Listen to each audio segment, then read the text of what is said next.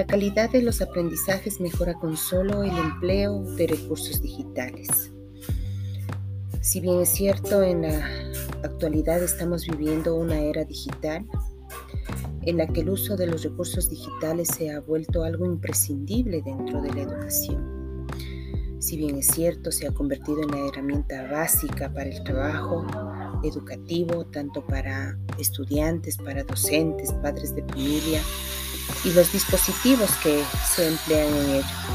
Sin embargo, para alcanzar una calidad de aprendizaje de cierta manera mejora, de cierta manera refleja o destaca las destrezas, las habilidades de, de los estudiantes, pero no se ha convertido todavía en algo imprescindible, pero sí algo fundamental como implemento en, nuestro, en nuestras aulas.